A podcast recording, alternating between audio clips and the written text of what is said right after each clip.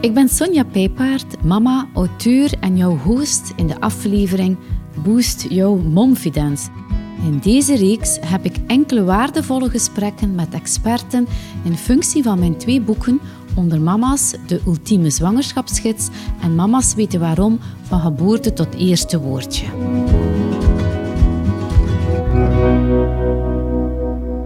Dag uh, Hade, welkom bij de podcast Onder Mama's voor de aflevering Boost Jouw Momfidence. En het is een prachtige dag vandaag, het zonnetje schijnt. Jij bent zelf mama van Abel en Astor. En je bent ook experte in het coachen van mama's doorheen hun reis naar meer zelfvertrouwen en een moeitelozer leven door in te zetten op bewustzijn en verbinding. Wauw, hoe ben jij daarmee gestart, Hade? Goedemorgen, Sonja. Blij dat ik hier, uh, ja, dat ik hier mag zijn vandaag. Het is inderdaad een mooie dag. Dat doet al direct heel wat met mijn energie. Uh. Hoe, hoe ben ik daartoe gekomen? Eigenlijk door zelf mama te worden. Bewustzijn en verbinding is iets uh, wat ik al een hele tijd door persoonlijk en ontwikkelingswerk ja, op inzet. Maar mama worden heeft mij nog veel dichter bij mijn kern gebracht. Nog veel meer doen inzien hoe belangrijk dat verbinding is in de eerste plaats met jezelf, om van daaruit op een veel moeitelozer manier te kunnen verbinden met je kindjes, met je partner, met iedereen rondom jou. En dat heeft mij ook, um, ja, na, na heel lang struggelen op professioneel vlak, wat heb ik hier te doen in de wereld, ook tot mijn missie gebracht. Mooi. Uh, je bent ook een mentor voor ambitieuze mama's. Mama's die naast mama zijn, ook vrouw uiteraard zijn en tal van andere ambities, dromen en doelen hebben. Uh, kan je dat even toelichten? Wat houdt dit nu juist in? Dat houdt in dat ik het heel belangrijk vind dat er bij moeders een uh, gezonde balans is tussen de verschillende rollen die ze willen innemen en dat het niet nodig is om jezelf weg te cijferen achter je mama-rol. En er zijn personen die dat zich het beste voelen bij fulltime mama zijn. Want er zijn ook andere moeders die echt wel nog een soort van vuur of passie in zich hebben om andere dingen in de wereld te zetten. En ik vind het belangrijk om te weten of om, om, te, om aan te tonen dat dat en en dat dat helemaal mogelijk is ook. Zonder je mama-rol tekort te doen of zonder jouw ambitie tekort te doen. En geen schuldgevoelens te krijgen hè, door het feit dat je dat wil. En, en, hè, al die rollen vervullen. Want mhm. mijn ervaring is ook dat mama's heel vaak en snel ook een schuldgevoel hebben over die verschillende rollen. En dat ze denken van zichzelf dat ze dat niet goed doen. Mhm. Dat is inderdaad iets wat ik ook vaak tegenkom in de, in de praktijk. Um, nu dat schuldgevoel, dat is zelfs bij mij in momenten nog aanwezig, maar dan is het de manier waarop dat je ermee omgaat die belangrijk is. Of dat het je leven gaat bepalen of, of net niet. En een schuldgevoel komt gewoon vaak neer op het goed willen doen. En daarmee is er niks mis mee. Nee, dat klopt. Momfidence is de rode draad waar rond jij werkt, maar kan je ons even uitleggen wat momfidence nu eigenlijk is? Voor mij is uh, momfidence als vrouw en als mama in je kracht staan. Waarbij dat, dat je zowel draagkracht hebt om de dingen des levens, om daar op een verbindende manier mee om te kunnen, zonder dat dat jou helemaal uit je lood slaat, als dat je daadkracht hebt om echt jouw mooiste leven te gaan leiden en je volle potentieel in de wereld te zetten als vrouw en als mama je leven in handen te nemen zelf en je, en je niet te laten leven. Mm ja. Dat is ook een valkuil, denk ik. Ja, eigenaarschap nemen. Nee. beseffen dat je, dat je eigenlijk aan het roer van je leven staat. En ook al ja, zitten we in een maatschappij waarvan dat niet altijd evident is om die externe factoren je niet te laten beïnvloeden, toch heb je altijd weer opnieuw de keuze om dat niet te laten doen. Ja, eigenlijk is dat een bevrijdende gedachte als je daarmee omgaat. Hè? Inderdaad. Ja, hè? Heb jij ultieme tips gehad om confidence te boosten? Uh, hoe kan je er eigenlijk toe komen? Hè? Voor iemand die er nu voor de eerste keer mee geconfronteerd wordt, die zegt confidence, wat betekent dat nu? Hoe kan je daar eigenlijk toe komen? Wel, als het gaat over in je kracht staan, dan is voor mij een van de belangrijkste voorwaarden niet rushen door het leven en niet op automatiek in het leven gaan staan. En daarbij, dus tegenover dat, staat er eigenlijk vertragen. En ik heb ooit eens in een opleiding um, gehoord, vertragen kan je verdragen. En dat vind ik heel mooi en ja, zo kloppend voor hoe dat ik de afgelopen uh, tien jaar ja, mijn leven veranderd heb. Ja. Dus in je kracht staan, en dus confidence um, is voor mij vanuit het gevoel met je intuïtie en met je innerlijke kracht dingen gaan doen. En niet vanuit alle prikkels die vanuit je externe omgeving op jou afkomen. Ja, en ik, ik denk zo, mijn ervaring met mijzelf hè, is vaak dan, als het uh, wat te veel wordt, een beetje afstand nemen kan soms rust brengen. Zeker, ja. Als je het even niet helder ziet, hè, even tot rust komen en mhm. het dan het probleem als een uitdaging gaan zien. Hè. Mhm. En dan iets wat je dan ook met uh, betere inzichten kan aanpakken, hè? denk mhm. ik zo. Ja, voor mij bestaan er eigenlijk geen problemen. Alleen maar groeikansen. Ja. Um, en alles wat dat op mijn pad komt, die een uitdaging is, ik benoem het eerder als uitdagingen. Ja. Er zit wat minder lading op en dat, dat omvat ook voor mij um, de mogelijkheid om te groeien en niet het idee van dat is hier nu zwaar en lastig. En inderdaad, zoals dat gezegd is, als ze, als ze echt blijft gaan en blijft doordoen, um, dan komt er niet tot stilstand. En het is net in dat het stil maken dat er antwoorden kunnen zitten. Nu, dat is voor veel mensen nieuw. Dat brengt wat weerstand met zich mee. Um, maar toch is het voor mij echt het antwoord om, um, om naar dat moeiteloze leven te gaan. Ja, en dat bewust denken, voelen, doen, mm -hmm. hoe ga jij daarmee om? Wat ik daaronder versta, is dat, eigenlijk, dat je op elk moment je bewust bent van wat voel ik, wat zit er daarachter, van hey, wat, wat voel ik. Dat, dat gevoelens zijn een soort van kompas, een soort van GPS van hoe is het gesteld met mijn behoeftes, zijn die vervuld of zijn die niet vervuld. En vanuit contact met die gevoelens en rekening houden met die behoeftes, wat ga ik dus gaan doen? Dus dat, dat bewust voelen en dat bewust doen. Um, en ook dat bewust denken je kunt je denken niet uitschakelen. We hebben tienduizenden gedachten per dag. Maar je kan wel kiezen hoe dat je ermee omgaat en of dat je er uh, jou door laat leiden of als je ze van op afstand kunt bekijken en zien van oké, dit denk ik, maar opnieuw, ik heb de keuze om erin mee te gaan of er niet in mee te gaan. Ja. En um, ja, van daaruit eigenlijk veel bewuster gaan zijn opnieuw weer uit in automatiek. Want mensen die op automatische piloot leven, die denken waarschijnlijk veel te veel. Ja. En die laten zich leiden door gedachten. Ja. Die voelen zeer weinig. En die voelen dus ook niet wanneer ze over een grens gaan. Want als ze niet kunt voelen, dan voel je ook niet. Het is te veel voor mij. En, en dan raakt het dan, zonder dat je het wil, in een neerwaartse spiraal. Kom je dan terecht. En het is mhm. altijd makkelijker van ervoor te zijn dat je er niet, niet in raakt eigenlijk. Hè? Ja, dat is zo dat ding rond zelfzorg. Mensen denken soms, ik moet voor mezelf gaan zorgen als mijn emmertje overloopt of als ik in het rood ga. Zelfzorg is iets voor elke dag. Ja. Zodanig dat je nooit zo ver geraakt. Ja. Je eigen handleiding kennen, weten wanneer sta ik in het groen, wanneer ga ik in het oranje, wanneer sla ik door in het rood. En liefst daar zo weinig mogelijk komen, omdat je bewust stilstaat bij ja, wat dat er leeft in jou en daarmee rekening houdt. Ja.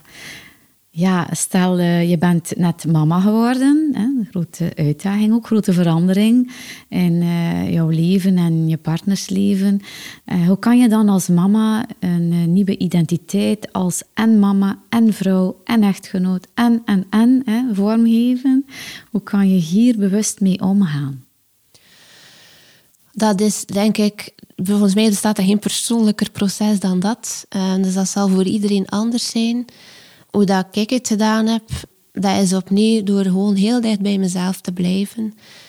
Door mijzelf bewust te zijn dat ik elke dag en basically elke minuut opnieuw kan kiezen. En door te proberen dingen te gaan doen. Werkt dit voor mij? Werkt dit voor mij en mijn kindje? Ja, dan doe ik het verder. Werkt het niet? Dan doe ik het niet.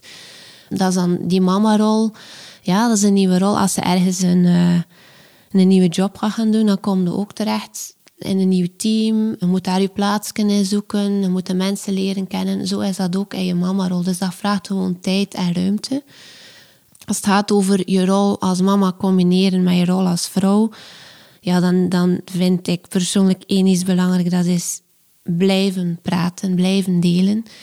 En een tip dat ik daarvoor wil meegeven, dat is um, iets wat mijn man en ik ook dagelijks of minstens drie, vier keer per week doen.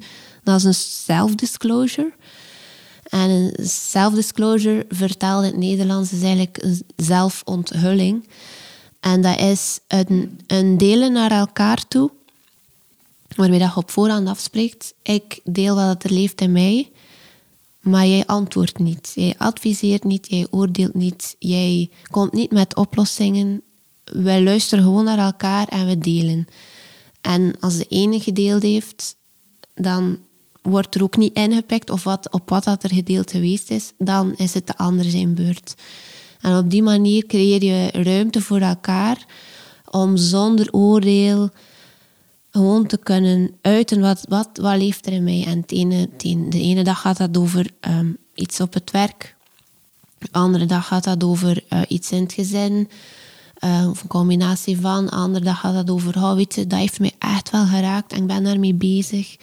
En dat is, dat is iets ja, zeer life-saving voor ons als koppel om dit te blijven doen. Dat is een goede tip. Mm dus tijd daarvoor vrijmaken. Dat hoeft ook niet te lang te duren, want ja, de andere die luistert gewoon. En eigenlijk is het bevrijdend van het te kunnen zeggen. Ja, gewoon dat weten. Ik kan hier delen wat er leeft zonder dat er iets tegenover hoeft te staan. Ja, en soms is het helder ook, en meestal is het dan ook heel helder als je het luidop eens kan zeggen. Ja, ja, ja. Soms kom je tot oplossingen. Want misschien mhm. zat je met iets dat je zegt, ik raak er niet uit. Je spreekt het uit, je vertelt mhm. erover. En het is al een deel ja. van de oplossing begint al te komen, ja, hè, op dat, te borrelen. Hè? Dat klopt. Dat ervaren wij ook. Van, ja, ik zat met iets en kijk, met dat ik het nu uitgesproken heb, ik voel me zoveel lichter.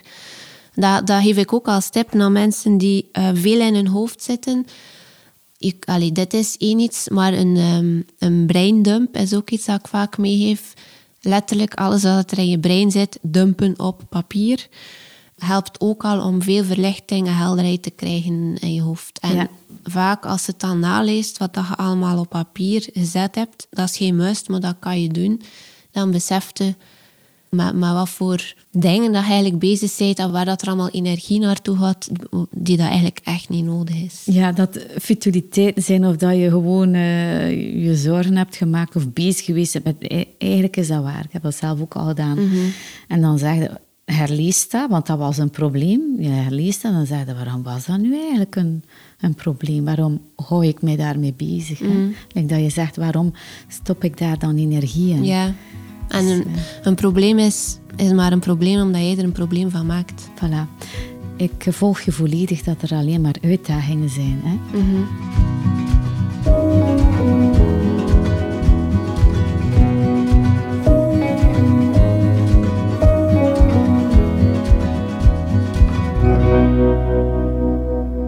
Meer dan 80% uit onze Ondermama's community geeft aan dat ze te weinig tijd voor zichzelf nemen. Dat is best een groot aantal. En wij zouden dat liever zien dalen. Heb jij tips voor onze mama's hoe ze meer me-time kunnen realiseren? Ja, een van de tips die ik zou willen meegeven is even stilstaan bij hoeveel energie en tijd dat er naar futiliteiten gaat. Want we hebben eigenlijk veel meer tijd dan dat we zelf beseffen. Als we gewoon eens even alle futiliteiten zouden schrappen, alle dingen waar we energie aan geven die dat eigenlijk niet bijdragen. En dan heb ik het bijvoorbeeld over um, scrollen op social media. Je huis drie keer per dag spik en span willen maken, terwijl dat één keer misschien voldoende zou zijn. Uh, iedereen heeft zo zijn eigen dingen. We steken soms tijd in dingen die eigenlijk niet prioriteit moeten hebben. Dus de futiliteit en schrappen, even stilstaan bij wat heb ik hier nu vandaag gedaan, die dat één eigenlijk niet nodig was en twee eigenlijk niet bijgedragen heeft aan mijn welzijn, aan, aan hoe dat ik me voel. En hoe kan ik daar op een bewustere manier mee omgaan? Ook andere prioriteiten gaan stellen. Ik zeg altijd, een nee voor het ene is een ja voor iets anders. En van daaruit de dingen gaan bekijken kan ook echt wel gaan helpen. Als ze zegt nee tegen mijn huishouden is ja voor mezelf en dus ja om straks een energiekere mama te kunnen zijn, dan zal het misschien gemakkelijker zijn voor jezelf om die nee tegen het huishouden te zeggen vanuit het contact met die ja. En een derde tip dat ik wil meegeven is, moeders hebben zo soms gestolen momentjes. Zo plotseling is er vijf minuutjes, tien minuutjes, een kwartiertje tijd, omdat de kindjes even langer slapen of even op het gemak alleen aan het spelen zijn. Maar wat doe je dan? En genieten, hè, moet je doen. ja, vaak, maar vaak zijn, zijn of ik, in, in de praktijk hoor ik dat, dat, dat veel mama's gewoon niet meer weten wat laat mij op. Ja. Wat geeft mij energie? Hm. Dus wat gebeurt er als je even zo'n gestolen momentje hebt, in de plaats van iets te doen dat je oplaat, en zelfs iets tien minuten doen dat je oplaat, kan al een verschil betekenen voor de rest van de dag. Ja, dan zit je daar misschien wortel te schieten, van wat kan ik hier nu doen met mijn tien minuten tijd? En voordat je het weet zijn je tien minuten om en heb je eigenlijk niks gedaan dat bijgedragen heeft. Dus een oefening dat ik zou willen meegeven is even echt stilstaan. Wat laat er mij op? En dat een keer noteren. Want niet in je hoofd blijven, echt opschrijven. En zo een verschil maken tussen dingen die echt gewoon kort op de bal, dit kan ik nu doen. En dingen die je echt moet inplannen. Misschien een voorbeeldje van mezelf, wat dat er mij oplaat. Dingetjes in mijn interieur veranderen. Of even in een boekje als The Flow of The Happiness gaan lezen. Um, of even een nummertje opleggen en mijn lichaam wat bewegen. Dat zijn dingen die mij opladen en die kan ik ja, op heel veel momenten in de dag kan ik die doen. En dan andere dingen, als het echt moet gepland worden, die ook helder hebben. Uh, voor mij is dat een tour gaan fietsen, ja. even uh, mijn naaimachine bovenhalen, die zaken. Ja. Uh, zorgen dat dat duidelijk is, zodat als er tijd is, dat je dan al niet meer moet bedenken, ah ja, wat was dat weer voordat ik moeder werd, dat ik graag deed. Ja, bewust. Vooral heel bewust zijn rond eh, waar je zelf energie van krijgt. Mhm. De prioriteiten leggen. want druk, druk, druk wil gewoon zeggen, iedereen heeft het druk. Doe de juiste dingen. Ik denk nu nog aan um, strategieën stretchen. Dat is ook een belangrijke. Um, soms zitten we zodanig vast in ons hoofd met een lievelingsstrategie om een bepaalde behoefte te vervullen. Stel nu um, dat voordat je mama werd, ging je drie keer per week naar de fitnessclub. Dat is je lievelingsstrategie om je behoefte aan een um, ja, fysiek en een fit lichaam te vervullen. En nu zit de mama en ja, dat is niet meer mogelijk, uh, want je hebt, geen, je hebt een oppas nodig en die krijg je niet zo gemakkelijk geregeld. En je hebt van alles van reden waarom dat, dan niet meer mogelijk is. Dan heb je twee keuzes. Je kunt zeggen, ah, mijn lievelingsstrategie is niet meer mogelijk, dus ik sport niet meer. Of je kunt gaan zoeken naar andere strategieën. Je kan je strategieën gaan stretchen. En dat gaat misschien niet jouw favoriete manier zijn om, maar je behoefte gaat wel vervuld zijn. Je kunt een workout doen um, thuis. Of je kunt je tevreden stellen met één keer per week um, gaan sporten. En ja, zo die mogelijkheden gaan bekijken. Ja, dat is vooral ook, denk ik, oplossingsgericht denken. Ja. Er is niemand die een glazen bol heeft, die jou vertelt hoe jouw levenswandel er zal uitzien. Er zijn altijd onvoorziene omstandigheden, onvoorziene factoren, waardoor dat je altijd met, met die berg voor u kunt zitten. Oplossen, willen oplossen, zoeken naar oplossingen mhm. en jezelf daarbij betrekken is een belangrijke boodschap van. Mhm. hè.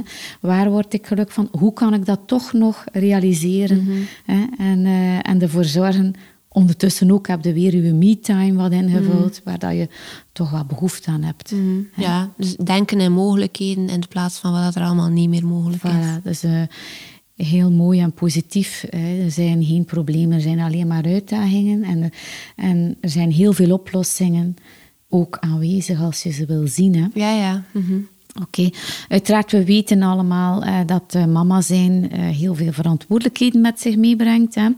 Nu en dan ook wat gepieker, soms misschien een keer angsten. Mhm. ja, hoe kan je die gevoelens een plaats geven en meer genieten van het moment? Je kan ook altijd weer elke keer opnieuw bewust kiezen hoe ik daarmee om.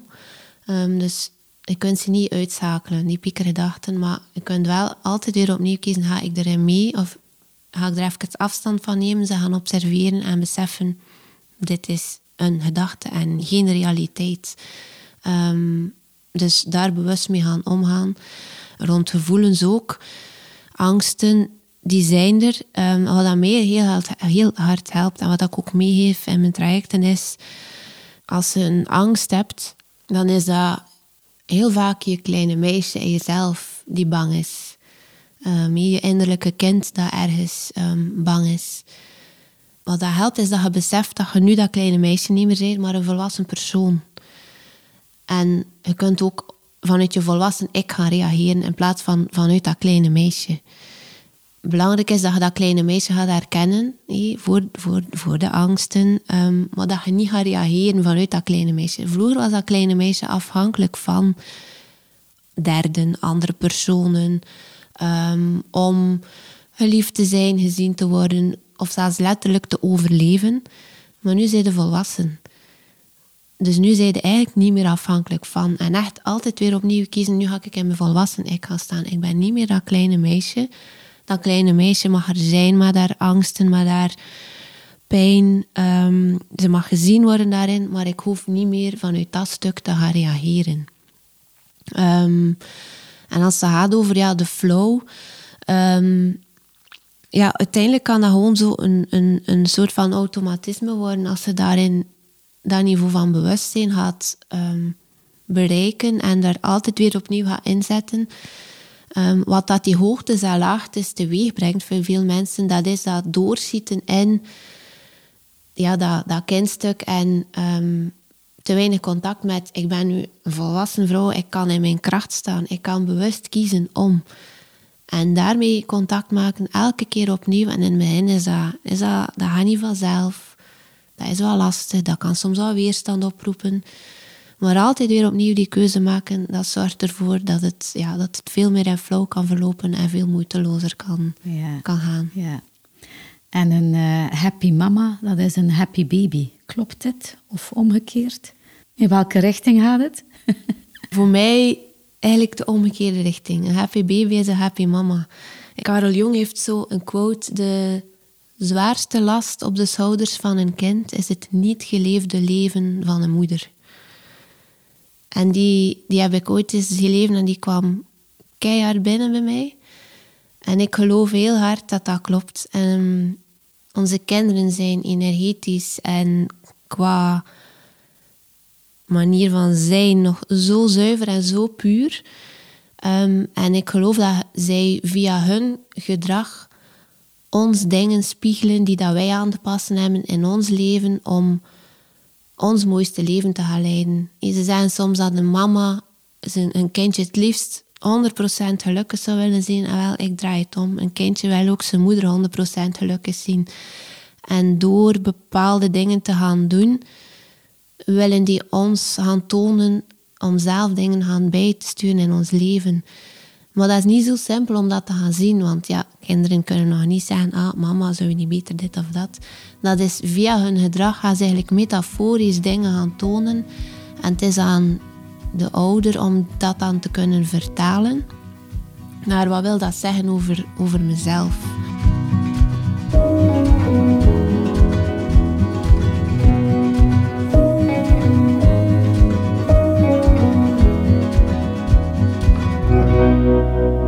Eventjes over de social media. Die speelt een heel grote rol in de beeldvorming uh, van moederschap. En het begint eigenlijk al bij de zwangerschap. Hè.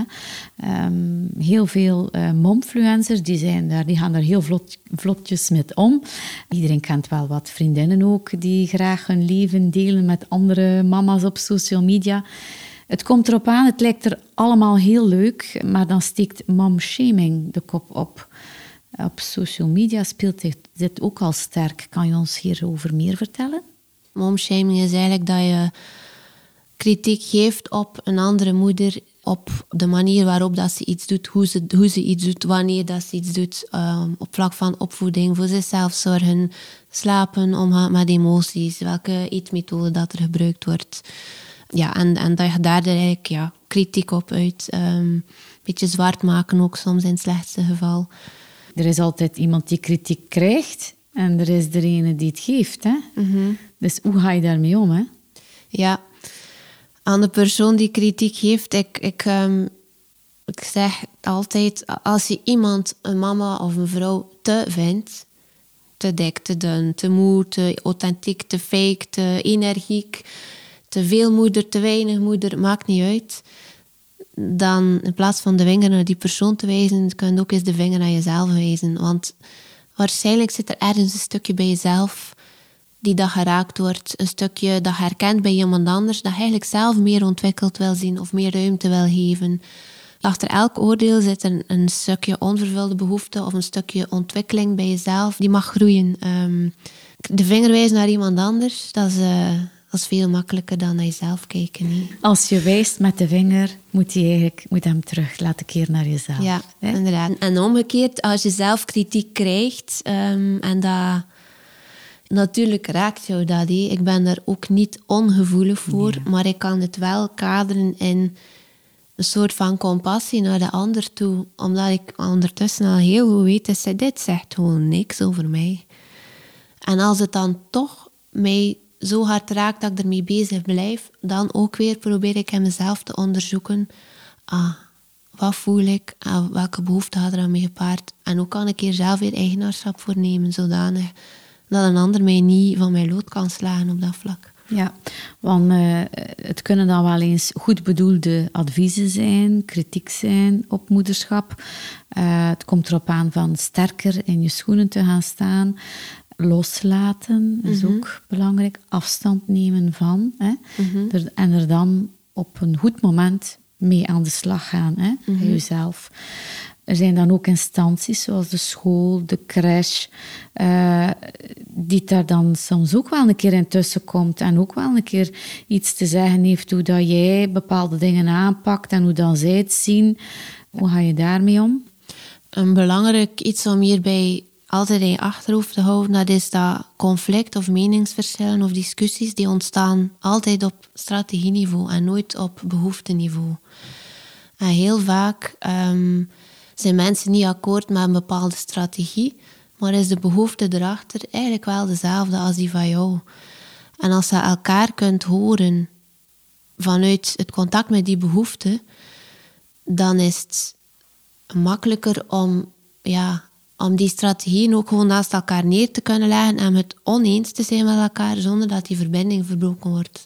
Omdat, ja, omdat je op behoefteniveau wel voelt, eigenlijk willen we hetzelfde, maar de manier waarop, dat zouden we anders doen. En wat dat school en zo betreft, school en crash, we hebben die twee heel bewust gekozen. Maar zelfs dan nog ja, zijn er dingen die dat wij thuis anders doen dan hoe dat, dat daar gebeurt. En wat dat mij dan bij helpt is, weet je, dat is voor de kinderen gewoon een, een, de mini-wereld die dat zij leren kennen.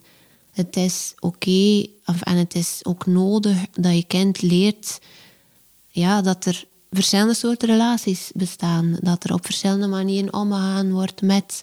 Dat helpt ook gewoon om, om zelf in het leven te gaan staan, om te leren om te gaan met de dingen des levens, om, om uh, veerkrachtig te zijn en zo verder. De weerbaarheid verhogen en, ja. uh, en leren met, met anderen uh, in interactie gaan. Ja, dat, dat kan heel veel vaardigheden ook ja, helpen groeien. Um, en maar eigenlijk denk ik dat we er allemaal ja, ervaringen kunnen gebruiken van hoe leggen we iets uit. Als je vanuit babytje of het kind vertrekt, kan je eigenlijk veel meer bereiken, denk ik, samen met, ook met externen. Ja, ja, het is datgene wat jij eigenlijk zegt. Hè. We willen allemaal hetzelfde, we willen allemaal het beste voor mhm. het kind, voor het babytje.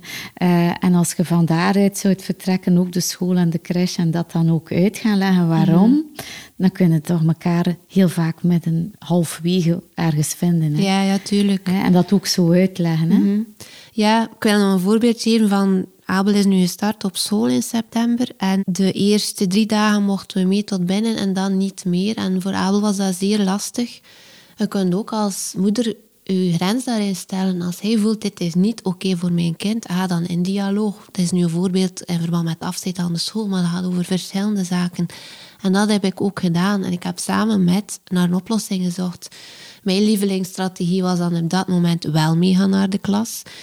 Um, ja, om bepaalde redenen was dat voor de school ehm, geen mogelijkheid meer. Maar tussen mijn strategie, mijn lievelingsstrategie en hun strategie hebben we wel mogelijkheden gevonden die daar voor alle partijen werkten. Ja. Ehm, en zo zijn we tot een oplossing gekomen. Ja. Dus, Voor iedereen, dat, dat zijn win-win situaties. Hè? Dus eigenlijk in het leven, wat dat je ook doet.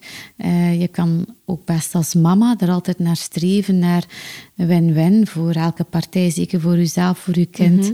en externen die daarbij betrokken zijn. Hè? Mhm ja, dan kom je waarschijnlijk ook wel tot een betere balans in het algemeen, met al die verschillende rollen, uh, mm die je goede banen moet leiden en, mhm. eh, en minder schuldgevoelens. Ja, zeker. Want wat, wat gebeurt er als je met iets zit waarmee je niet akkoord mee bent en er gaat daar heel veel energie naartoe, er komt daar frustratie bij kijken, dan stapelt zich hem alleen maar op en op en op en op en dan heeft het beste heel de lading van van alles die eigenlijk niets meer met de situatie te maken heeft, die komt eruit. Ja. Terwijl als ze gewoon blijft uitspreken op een verbindende manier, in dialoog gaan, met respect voor elkaar, strategieën, maar met contact voor die behoeftes, dan is er gewoon veel meer mogelijk en is er ook veel minder frustratie, veel minder lading. Ja, en eigenlijk leer je dan wel ook op vooraf die strategie die jij nu uitlegt te gebruiken. Hè? Ja. Dat je zo min mogelijk in een situatie achteraf verzeild geraakt, de, het is altijd veel moeilijker eruit te geraken dan, ja, ja. Hè, dan uh, als je erin zit. Mm -hmm. Dus na te komen. Dan, dan is dat bewustzijn en vertragen. Hey, vertragen kan ons verdragen. Dan is dat gewoon belangrijk. Want iemand die rust en die op automatiek leeft, ja, die beseft soms niet dat die, waarom dat die gefrustreerd is. En dan zijn we vrijdag en dan ontploft er plots een bommetje. Terwijl als ze gewoon elke dag stilstaat bij wat voel ik, wat leeft er in mij, wat heeft er mij geraakt, hoe kan ik dat communiceren of hoe kan ik daar eigenaarschap in nemen, dan zijn dat allemaal kleine stukjes. Ja. In plaats van die grote bol die dan totaal niet meer te overzien valt.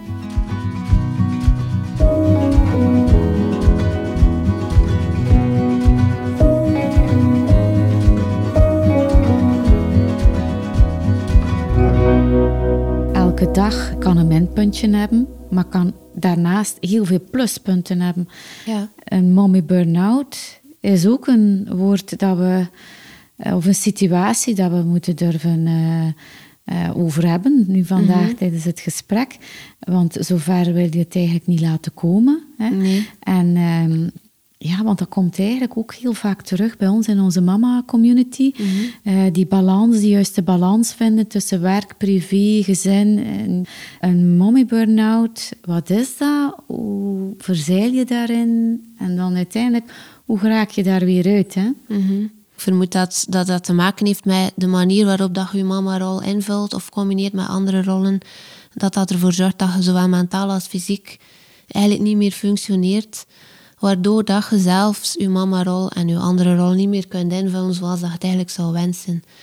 Um, en dan kunnen factoren als prikkelbaar zijn, vermoeid zijn, um, een kort lontje hebben, um, soms zelfs niet meer helder kunnen denken. Dat zijn een aantal factoren die dat kunnen ja, aanwijzen dat er iets op komst dat is. er iets op komst is. Of dat het misschien dringend tijd is om even andere prioriteiten te gaan stellen. En even stil te staan van oeh, wat, wat, wat gebeurt er hier en hoe ga ik daarmee aan de slag. Ja, want uh, het drukke leven, het sociale leven, het kan soms veel eisend zijn. En ik denk uh, ook, mijn ervaring ook als mama, en je wil vooral met je dichte kring toch wel het goed doen. Maar het kan wel allemaal te veel zijn. Dat op tijd herkennen. Mhm. hè, dat je bij jezelf aan de alarmbel trekt van... Oh wee, opgelet. Mhm. Nu moet ik vanavond gewoon even rusten. Mhm. Eh, het hoofd vrijmaken, de dingen doen die mij weer in balans brengen. Ja, dat is, uh, dat is zeker belangrijk. En dan, dan gaat het weer over... Um, je zegt dan misschien een nee tegen een bepaalde uitnodiging, maar dan zeg je ja tegen jezelf. En zo kunnen we dat ook communiceren. Van, ja stel nu dat het over een bepaalde uitnodiging gaat en je voelt ik eigenlijk vanavond of dit weekend echt wel rust nodig, dan kun je ook gewoon zeggen, oh, echt bedankt voor de uitnodiging. Um, ik zou het super fijn vinden om jullie nog eens terug te zien, maar ik voel dat ik dit op dit moment echt wel gewoon vroeg in mijn bed wil kruipen. Dus nu geef ik daar prioriteit aan.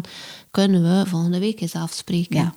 Kan perfect, hè? Ja, Alles valt of staat ook bij eerst dus het bewustzijn, Ja. goed nadenken en ook communiceren hè? met ja. anderen, het goed overbrengen. En eigenlijk is dat voor jezelf een, een, een bevrijdend hè? om op die manier te kunnen leven. enorm. Die zelfliefde, hoe kan je ervoor zorgen dat je voldoende zelfliefde inbouwt? Bedoel je met zelfliefde jezelf graag zien of tijd voor jezelf tijd gunnen? ehm, ik zou het wel een keer over willen hebben, over jezelf graag zien.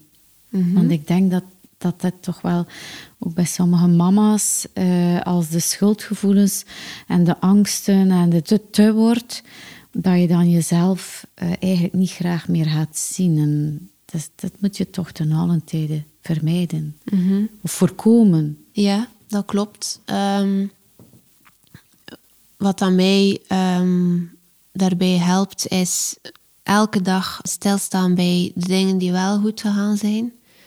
Eh, en niet enkel stilstaan bij wat dat er beter kon. En ook opnieuw met heel kleine stapjes jezelf in de spiegel durven kijken, jezelf in de ogen durven kijken en letterlijk uitspreken van ik zie je graag. Dat is iets wat ik jaren geleden niet kon. Ja. Nu kan ik dat met, met, allee, met, met veel gemak. Ehm, maar zo, ja, bewust zijn van jouw spiegelbeeld, dat durven in de ogen kijken en tegelijk in die ogen dat kleine meisje opnieuw zien. Nu ben je een volwassen vrouw. En nu ja, heb je eigenlijk niemand anders nodig. Vanuit die visie, die zelfliefde terug gaan ehm, opkrikken. En vanuit ervaringen, ja, die soms ook een keer niet leuk zijn, hè, Mhm. Ben je eigenlijk, of groei je ook zelf. Want je hebt daar Ja. dan een oplossing voor gevonden en gezocht. Dus als je daar bewust mee omgaat, kan je vol zelfvertrouwen daar ook naar terugkijken dat je dat toch maar opgelost of dat het toch maar goed Ja, uitgedraaid is. Hè? En hoe ouder dat je wordt, hoe meer dat je zo van die ervaring verzamelt. Ja, En dat je dus eigenlijk daar wel kunt op terugvallen. ja, tuurlijk. Hè? En dat is, dat is zo belangrijk. ehm, in het begin al mensen bij mij aan de slag gaan. Soms elke, elke week staan we bijvoorbeeld stil bij de winst van de week. En in het begin is dat voor sommige mensen heel moeilijk. Ze kunnen direct tien dingen opsommen die daar niet goed gegaan zijn. Ja. Maar als ik er drie vraag die daar wel goed gegaan zijn, dan, Ja. dan is dat moeilijk. Eh, maar die zijn er sowieso elke dag. Het zijn meestal de slechte dingen die eerst uit de mond komen. Ja, dat klopt. Dat en is, eh, dat is toch wel iets dat we allemaal samen kunnen aan werken. Ja, dat is waar. Dat doet mij denken aan ehm, een, soort van fenomeen. Ze noemen het het, het krabbenmand-effect. Ehm, Krabbelmand? Het krabbenmand-effect. Ik weet niet juist de naam erachter, maar het komt er dus op neer. Als een krab alleen in een mand zit, dan kan hij er met gemak uitkomen. Maar als een krab met verschillende andere krabben in de mand zit en er is daar één die daaruit wil, dan gaan al die anderen hem terug naar beneden trekken. En dat is iets dat jammer genoeg nog veel onder vrouwen en onder moeders gebeurt. Het is precies gemakkelijker om elkaar te zien in de pijn ehm, en in het je klein houden dan, dan in de vreugde en in je kracht staan. En de groei hè, En de groei. van een ander. Ja. Ja. En dat gaat over de dunne lijn tussen jaloezie en het iemand anders gunnen. Ja. Ehm, ja. Dat is een, een- ja, een zeer boeiende dynamiek, vind ik. Ik eh, onthoud daaruit, Hade, dat, dat eh, elke dag opstaan en je gaat voor de spiegel staan en je mag gerust tegen jezelf zeggen, jij bent mijn beste vriendin. Ja. Hé? Dat is toch een goede, goede morgen tegen jezelf? Want je moet met, met jezelf door de dag en je moet het goed doen. En je moet jezelf ook hè, zelfliefde gunnen. Ja, en wat dat ook mijzelf ook zeer hard helpt, is ehm, het stukje voorleven. Hoe dat ik omga met mezelf, hoe dat ik praat tegen mezelf, hoe dat ik mezelf graag zie. Zo leren mijn kinderen hoe dat ze naar zichzelf kunnen kijken. Kinderen staan niet in het leven zoals dat wij hopen dat ze in het leven staan. Ze staan in het leven zoals dat wij in het leven staan. Dus als ze een mama zien die haarzelf niet in de ogen kan kijken en haarzelf recht kan zien, dan heeft dat onbewust ook mee. Je moet in de eerste plaats voor jezelf doen en je kind heeft er mee genot van of deugd van. Maar als dat moeilijk is, dan besef dan heel goed dat je zoveel meegeeft aan je kind als ze toont hoe dat het zichzelf graag kan zien door het zelf gewoon voor te leven. Voor te leven, Of ja. omgekeerd. Ja. ja. Is dat jouw ultieme boodschap die je wil meegeven aan onze mama's? Of heb je nog iets anders in petto, Hade? Ik zou misschien graag een, een, quote delen die dat mij jaren geleden echt wel gezegd heeft om van slachtofferschap naar eigenaarschap te gaan. En dat is, ehm, als je doet wat je altijd deed, zal je krijgen wat je altijd kreeg. Wil je iets anders krijgen, dan zal je iets anders moeten doen. Dat is bewustzijn. Dat is, oké, wat ik tot nu toe gedaan heb, om die en die en die redenen werkt dit dus blijkbaar niet. Maar ik wil wel iets anders krijgen in mijn leven. Ik wil moeitelozer leven. Ik wil meer geluk. Ik wil zelfliefde. ehm, ik wil dat voorleven ook. Wel, dan, dan zul je andere dingen moeten doen. Dat kan stap voor stap en dat kunnen kleine stapjes zijn. Ehm, en dat kan op jouw tempo. Maar er zal wel andere dingen moeten gebeuren. En kleine stapjes kunnen ook een grote wandeling maken. Dat vind ik ook een heel mooie gedachte. Die een top van die berg is mooi, maar eh, je moet er niet voortdurend naar kijken of je kunt hem niet bereiken. hè. Nee, voilà. Je moet eigenlijk gewoon recht voor u kijken hè, en dan zo omhoog gaan naar de top. Hade, heel hartelijk dank voor dit eh, hartverwarmende gesprek. Ik denk dat we vandaag heel wat mama's een boost hebben gegeven in hun momfidence en een antwoord op eh, veel vragen. Ehm, voilà, bedankt dat je erbij was. Met heel veel plezier. Dank u wel eh, voor de uitnodiging. Lieve luisteraar, wil je graag nog meer tips over machtig moederschap? Schrijf je dan in op de website ondermama's.be. Dat is de online community voor mama's in spe en mama's met jonge kinderen. Kom terecht in een warme wereld waar mama's elkaar ontmoeten en wijsheid en ervaringen onderling kunnen delen. Registreer je, praat met andere mama's en lees, want mama, je staat er niet alleen voor.